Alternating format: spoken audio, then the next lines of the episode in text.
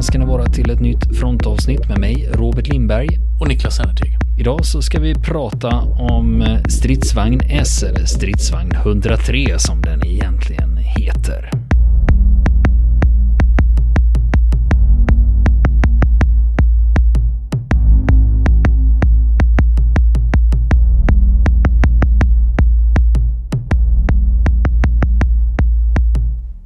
Det är alltså stridsvagn 103 eller stridsvagn S vi ska prata om idag. Har du någon relation till den här stridsvagnen Niklas?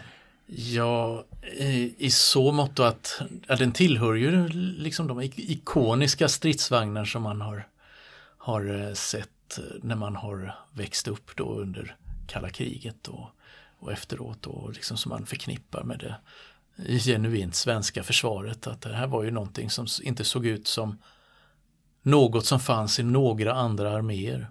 Utan det här var en helt hemvävd svensk produkt. Och eh, sen har jag ju sett den i verkligheten då i, under stridsövningar. Och eh, klart det är ju ett skådespel att se när de skjuter skarpt med en, med en sån här. Och, och eh, hylsorna slungas ut bak då genom utkastarmekanismen. Och det är bra tryck när man står bredvid. Så att, eh, det är väl min relation till det hela. Och du då? Jag kan ju känna så här eh, att när man som växte upp då, precis som du under kalla kriget, att man kände att, nej men tänk att vi lilla Sverige har en sån här stridsvagn mm. som inte ser ut som någonting annat. Jag tyckte mm. den var jättehäftig. Mm. Just det. Det tyckte nog jag också då, att det var, det var ju en oerhört speciell eh, lösning. Och sen eh, vet jag för några år sedan när jag besökte det tyska pansarmuseet i Münster så där står den på museet idag. Och eh, jag gick runt och tittade själv i hallarna där och kom, såg jag på avstånd att det står ju en stridsvagn S. Jag måste gå fram och titta på den. Och då var det en grupp eh, tyska eh, museibesökare där, några steg före mig fram till vagnen och som ställer, ställer sig vid den och börjar gapskratta för det var de, det löjligaste de hade sett tyckte de. Så att, då vågade fram, man ja, inte gå fram och säga ja, att ursäkta. Ja, ja, aber das ist ein schwedische stridsvagn. De undrade vad den hade att göra där. Typ. Ja, ja, aber er mm. sehr gut wenn it's uh, mm. defensive. Ja, precis, precis. För är det en stridsvagn egentligen? Det är frågan, eftersom den inte har något torn och det brukar vara en kriterium för att vara en stridsvagn. Ja, en del har ju mm. kallat det att ja, men det är en pansarvärnskanon på band. Ja. Att den inte har den här eh, aggressiva Precis. anfallspotentialen som mm. en stridsvagn med torn har. Mm. Och det, det, är nog den linjen jag är inne på, att det är lite falsk marknadsföring och kalla det för en stridsvagn. Eh, är min åsikt. Men nu kallade man det stridsvagn och då får vi väl göra det under det här programinslaget konsekvent. För att alla vet ja. vad vi pratar om. Stridsvagn mm. S eller stridsvagn 103. Eh, och det här är ju egentligen en, eh, om nu tänker nu är det år, mm. 20, nu är det 2015 mm. och det här är, det här börjar ju på 50-talet redan efter mm. andra världskriget. Och Sverige står inför ett beslut. Mm. Hur ska vi gå vidare med det här med stridsvagnar? Och då fanns det ju lite olika alternativ man hade att välja på. Och mm. så har det alltid varit i, när det gäller det svenska försvaret. Att man har haft möjlighet att antingen tillverka något själv, utveckla det själv eller så köper man in från någon. Precis. Och hemskt gärna ville man tillverka saker själv. Ville man göra för att inte vara oberoende. Eller för att vara oberoende mm. av, eh, av andra länder. Som till exempel Viggen och Draken, våra, våra stridsflygplan vi hade under mm. kalla kriget.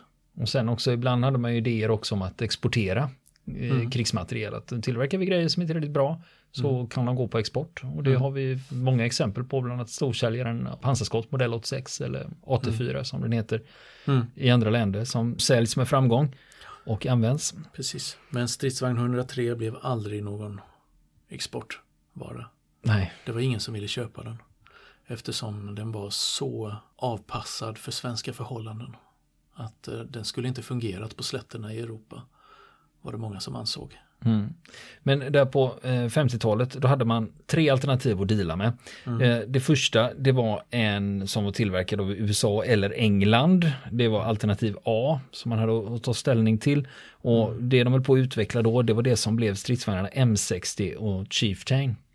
Sen hade man också alternativ T, kallade man det, och då var det en tysk-fransk vagn som hade svagare skydd och hög rörlighet. Och det var det som så småningom blev Leopard 1. Stridsvagn 121 hette den i Sverige va? Mm. Där man tog Just in den sen. Den ettan där. För Precis. det är tvåan som heter 122 tror jag. Ja, Mm. det stämmer. Jättebra. Men då hade vi två alternativ, antingen USA, England eller Tyskland, Frankrike. Men så fanns det ju då det tredje alternativet, den svenska varianten. Och det var därför man kallade det för stridsvagn S. För det var det svenska alternativet som man skulle ta fram. Och det man pratade om redan då, då var det att man skulle ha liten siluett, man skulle ha starkt skydd och god rörlighet. Det var det som var grundingredienserna för vagnen. Ja, just det. Det finns ett namn som figurerar i det här eh, när det gäller utvecklandet som heter Sven Berge. Ja, han var ju konstruktören och idégivaren då till den här eh, vagnen då. Han jobbade ju på den dåvarande Kungliga armétygsförvaltningen som det heter och tyg har ju i det fallet ingenting med kläder att göra utan det, då snackar vi hårdvara. Mm. Och, det, och just det ordet, det förekommer i danskan och tyskan också. Ja, precis. precis. Ehm, och det, det var ju baserat på erfarenheter från eh, andra världskriget. De, framförallt Tyskland och Sovjetunionen hade tagit fram en mängd tonlösa vagnar, stormkanoner och eh, pansarjaktfordon som det kallades. Alltså pansarvärnsvagnar som man då anvä- än- även använde offensivt på den tiden. Så att det fanns ju flera förlagor till det här då. Och så, ur detta så utvecklade man någonting med ex, som var extrem låg profil. Mm. Och en av anledningarna, du pratar just om statistik. Man hade ju tagit del av statistik från andra världskriget. Man hade gått igenom var träffas stridsvagnar någonstans. Och var slås de ut när de träffas. Och då var det just, ja men de slås ut när de träffas i tornet. Eller när de träffas i pjäslagringarna. Just det. Tornkrans och så vidare där kring. Att det är sådana ställen. De ställena som sitter högst upp helt enkelt på Ja, vagnen. och då tänkte man då bygger vi en stridsvagn som inte har något högst upp. Nej, precis. För- Allting är lågt. Ja, för man hade räknat, eh, räknat på statistiken så utifrån den här statistiken var det ovanligt med låga träffar, alltså under en meter. Mm. Nere i bandaggregat och så vidare. Och där föraren satt. Det var sällan där som granaterna slog. Och det var ju med det som bakgrund som man började ta fram den här Ja, unika precis. profilen. Precis. Det blev ju en eh, vagn som började levereras då i, på 60-talet till svenska försvaret i slut då efter en eh, flera års utveckling. Som sagt eh, 40 ton nästan. Och eh, en eh, 10,5 centimeters kanon. Och det kan jag kommentera också med Mm. anledning av kanonen. Att om man, eh, ni som lyssnar på det, ni vet ju hur en stridsvagn S ser ut, det behöver inte vi sitta här och beskriva. Utan det är just det att kanonen går ju genom hela chassit, Mm. ända till bakänden. Det är en gigantiskt lång kanon. En jättelång kanon. Om man jämför Den med du- andra, om du hade haft den på ett torn, då hade du aldrig kunnat ha den längden. Nej, precis, precis. Och det gör ju att man får upp utgångshastigheten ganska rejält. Just det. Och det var ju en stor fördel då med en sån här typ av eh, försvarsvagn då där man skulle Tanken var att man skulle kunna ta sig an de, de modernaste stridsvagnarna i Warszawapakten. Och eh, i och med att den blev så låg och man hade en fastmonterad kanon och eh, man placerade ammunitionen i bakänden av va- vagnen eh, så eh, kunde man hålla ner eh, besättningens antal. De var tre stycken. Man var tre stycken i den då. En förare, en vagnchef och som också var skytt. Och så hade man en bakåtförare. det får du förklara närmare. Ja, det, hade för att snabbt kunna förflytta vagnen när du har hamnat i strid och kunna om, omgruppera. Eh, Så är det inte så eh, kul med en sån vagn med den här typen av konstruktion. Ja, du har inga backspeglar helt enkelt. Då är det bra att ha någon som redan har uppsikt bakåt. Och som kan, eh, kan backa vagnen ur ställningen helt enkelt. Och, och snabbt eh, komma ur så att man kan komma till nästa ställe varifrån man kan strida. Så det där var ju en, eh, också en speciell lösning i den här vagnen. Som man eh, inte har sett tidigare. Mm. För de, en del, Mm. många av dem var ju försedda med schaktblad också. Så man kunde schakta upp en egen, Precis, man kunde ett eget skydd. schakta upp ett eget skydd eller gräva ner sig på egen hand så att säga. Så att, att man kom ner. Så att det var oerhört lite av vagnen som behövde visas för fienden då. Eh, för kanonen i princip var ju den högsta punkten på vagnen. Var den. Så att det var, inte, det var ingen stor träffyta alls. Var det inte. det är just när det gäller styrsystemet, det var ju en hydraullösning här. Att man kunde höja och sänka vagnen och, för att kunna rikta in kanonen. Ja, och sen hade man då eh, så en centralsväng då för att kunna rikta in den i sidled. Precis, Eftersom kanonen precis. var fast monterad. Just det. Och det hade, hade man ju då ett universalinstrument att styra med som du både styrde och riktade in kanonen med.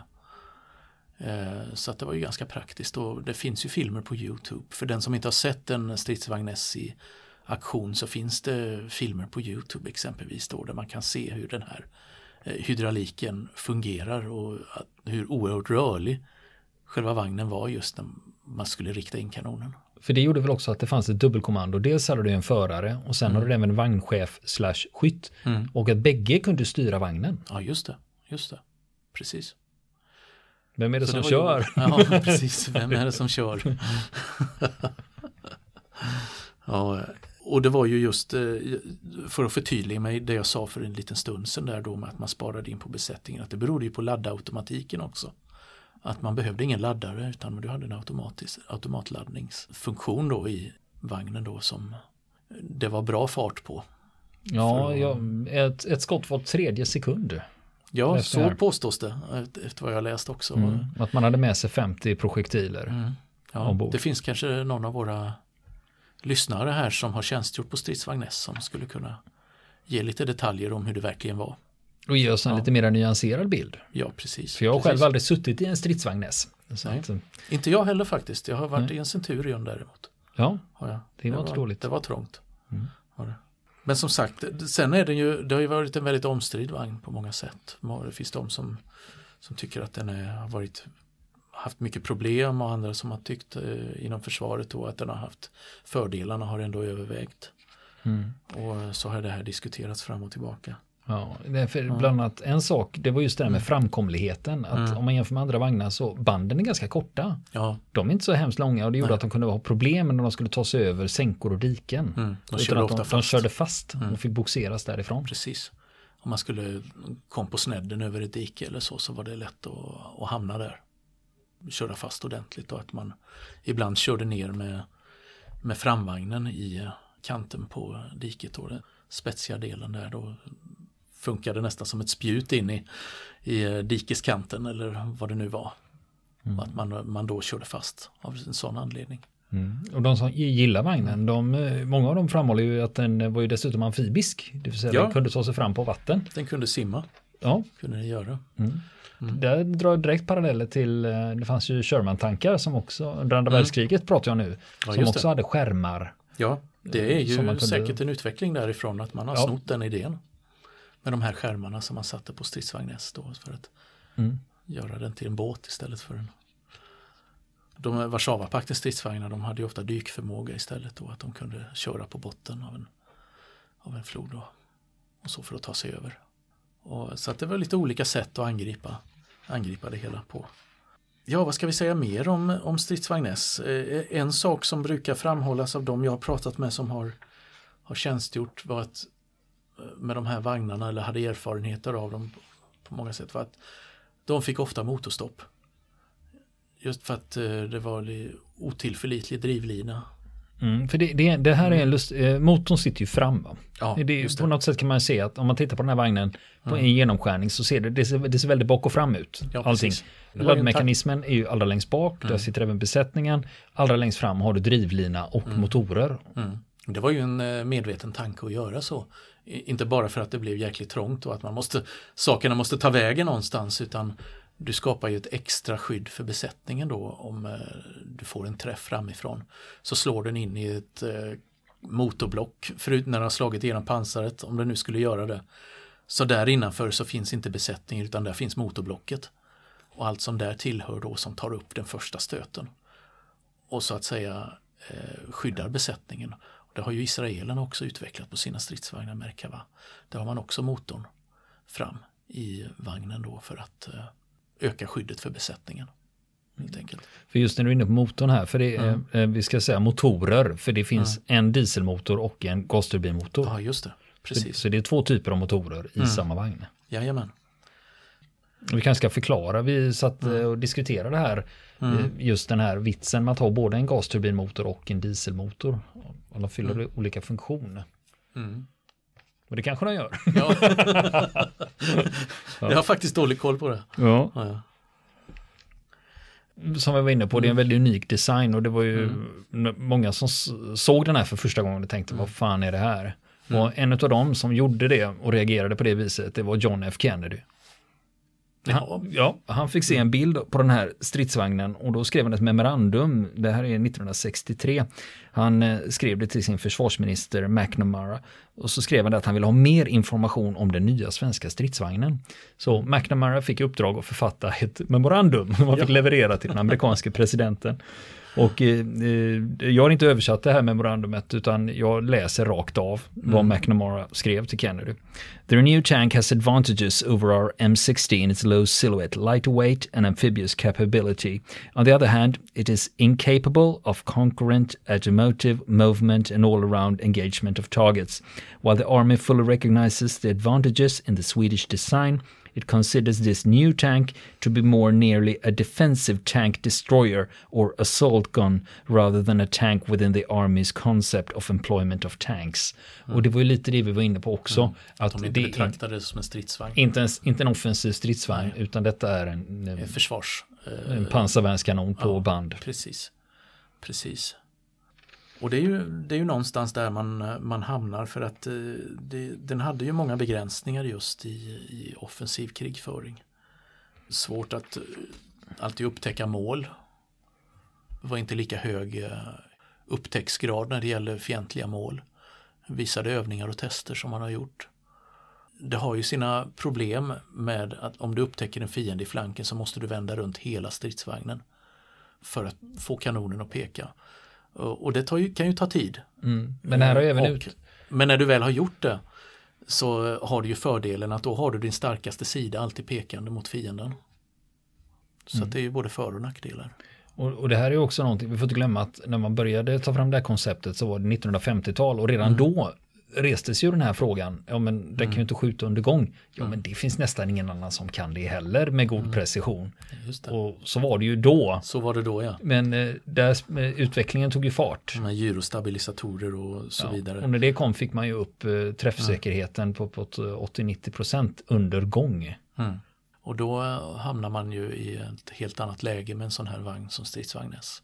Mm. Gör man ju att då då börjar nackdelarna tala sitt tydliga språk mm. i, i, den här konstruktionen. Och eh, man lånade ut två vagnar till USA som för att utvärdera dem. Mm. Och de fick mäta sig med amerikanska Chieftain-vagnar och då var det bland annat en av sakerna de kunde konstatera att eh, i en stridssituation så tar det ungefär en halv sekund längre för stridsvagn S att komma till skott. Mm. Och det kan vara ödesdigert i det. För det är den, den som skjuter först har ofta ett försprång. Ja, och de var ju i tjänst ganska eh, väldigt länge i försvaret får man ju säga. Det var ju... De plockade ut dem 2001. Ja, så sent försvann de och skars ner till största del på en firma utanför Växjö. Det var där de slaktades? Ja, precis. Det finns ett 30-tal kvar på museer runt om i världen. Mm. Inte bara i Sverige utan intresset för den här vagnen, precis som du beskrev mm. på det här tyska museet. Mm. Att eh, det är en unik konstruktion och det gör att... Mm. Eh, precis, liknar inget annat. Det gör ju att den, den försvarar sin plats i den kalla krigets historia väl. Mm. Eh, sen eh, i och med att den var defensiv så det här med skydd var ju väldigt, väldigt viktigt. Mm. Och bland annat hade man ett skydd som faktiskt var lite hemligt under lång tid. Det var att man hade galler mm. på framsidan som då skulle hindra eh, pilprojektiler mm. att slå, slå in i mm. pansaret. Då. Det. Och det här höll man hemligt ända fram till 92 med en uppvisning. Så att eh, det var en väl förborgad hemlighet att man kunde sätta galler längst fram. Ja, precis. ja. Men som sagt, hur skulle en eh, stridsvagn S mäta sig idag mot en, eh, mot en modern stridsvagn. Ja, det är väl något för pansarteoretikerna att mm. Eh, gräva ner sig i. Så sent som 97 så genomfördes en övning då man ställde upp sex stycken stridsvagn 103, alltså stridsvagn S, och då ställde man dem mot Leoparden, stridsvagn 121, sex stycken, så fick de utkämpa en strid och det gjorde man på Kvarns övningsområde. Och då vann stridsvagn 103 genom att slå ut alla Leoparder och de tappade bara en vagn själv. Mm. Så det, det är intressant. Det är ju jätteintressant ja. för då visar det sig att de kunde hävda sig mot leoparden i alla fall. Mm. Men sen när vi pratar om det här med defensiv och pansar och så vidare. Att i början av 90-talet då fick en rysk stridsvagn av modell T72 skjuta en pilprojektil mot eh, den här gallerförsedda fronten mm. som man hade på stridsvagn S. Och den här projektilen gick tvärs genom hela vagnen. Mm. Och det visar ju också att utvecklingen då springer iväg ibland. Ja, precis precis. Det är en ständig, ständig kapprustning och för en liten nation så har man är kanske tvungen att hålla fast vid sina grundtyper som man har utvecklat längre än vad en stormakt med större ekonomiska muskler kan göra. Och eh, en stormakt kan också utveckla sina stridsvagnar och stridsfordon i betydligt större takt och med mer sofistikerade medel än vad en liten nation kan göra ofta. Mm. Och Det ledde ju till att en från början väldigt intelligent idé numera är kanske ganska föråldrad. Men när den kom får vi inte glömma att det ja, hydrauliksystemet, det liknar ju ingenting annat utan det är ju Nej. något som andra har tittat, andra ut, eh, stridsvagnsutvecklare runt om i världen har tittat på. Att, vilka smarta lösningar, det var ju ren futurism då. Mm. Just det. Så mycket av den tekniken är idag vedertagen en, i andra liksom vagnar. Ett, um, ett vittnesmål om den svenska ingenjörskonsten under 1900-talet. Så här att vi hade förmågan att prestera sådana här saker på många områden då inom flygindustrin och inom stridsvagns ja, fordonsindustrin och andra civila verksamheter. Att vi kom upp med många unika lösningar. Nu ska vi prata dokumentärfilm och den film vi ska prata om nu den heter War Tapes. Det är en amerikansk film från 2006. Och det här är en liten intressant sätt att göra film. För här handlar det om nationalgardet, amerikanska nationalgardet, där det är ett förband som ska skickas till Irak. Och de utrustas med små mini-DV-kameror, alltså digital videokameror. Mm. Där de börjar med att filma redan på hemmaplan när de säger adjö till sina familjer. Och sen har de med sig sina kameror i Irak och filmar vad de råkar ut för. Och sen har man då samlat in de här bandarna och sen har man då klippt ihop en film och den heter The War Tapes. Där man får följa mm. de här mm. eh, nationalgardes soldaterna när de är förlagda i Irak. Och det här är ju så att säga efter 2003, det vill säga när amerikanerna de har intagit Bagdad och nu är det mera ockupation det handlar om. Att eh, det vi har sett eh, som kommer ut när eh, amerikansk media varit och filmat i Irak, det följer den linjen. Man åker runt i sina Humvees, håller utkik efter insurgenter och är rädda för, för IEDs. Mm. Bomber. Ja, precis. Sprängladdningar som ligger i vägbankarna då. Och det är det det handlar om. Och det finns en, eh, ni som är sugna på action, det finns en del actionsekvenser även om väldigt mycket handlar om den här rädslan att rulla runt och man aldrig vet vad som händer. Och i en del fall så handlar det om rent polisiära uppgifter, det vill säga hålla ordning och hålla utkik och se till så att det inte händer grejer. Mm. Sen när vi tittar på nationalgardet överlag, vilken status de har i den amerikanska försvarsmakten, så är, är ju den lite svajig. mm. Det är ju inte den, de reguljära de arméförbanden. Riktigt, nej. nej, inte det. Och många av dem är ju i grund och botten civilister. Eh, som i en del fall inte var beredda på att de överhuvudtaget skulle bli placerade i en krigszon utan de har åkt iväg på helgerna och några veckor om året och övat och sen plötsligt så kommer det en inkallelseorder. Mm. För en del har gjort det för att dryga ut kassan för de får ju lite ersättning för att vara med i nationalgardet. Så en del var ju inte alls med på tåget här att det faktiskt mm. fanns en risk att man hade, hade även om de hade skrivit på ett papper. De hade skrivit på ett papper att vi, mm. man riskerar att bli skickad till en krigszon. Mm. Men man trodde inte det skulle hända. Nej. Och plötsligt så är du i Bagdad i en Humvee med ja. din flackväst. Ja, och någon vill döda dig. Och någon vill döda dig. Mm. Hur, med tanke på hur de här filmerna eh, har samlats in um, så har de ju sedan redigerats och klippts ihop till en större dokumentärfilm. Hur realistisk är bilden tycker du? Som den här filmen, filmen förmedlar? filmsekvenserna vi ser det är ju förstahandsupplevelser. Så uh, autenticiteten är, det är ju äkta. Men sen får vi inte glömma att det är ju inte filmare som har gjort det här utan det är ju eh, soldater ur nationalgardet som har fått agera som filmare. Och det är ett helt nytt sätt. Men där har man ju med hjälp av, eh, där har man ju lyckats få ihop det här på ett bra sätt mm. så att man kan få en berättelse mm, en av större det. berättelse liksom. Av det hela.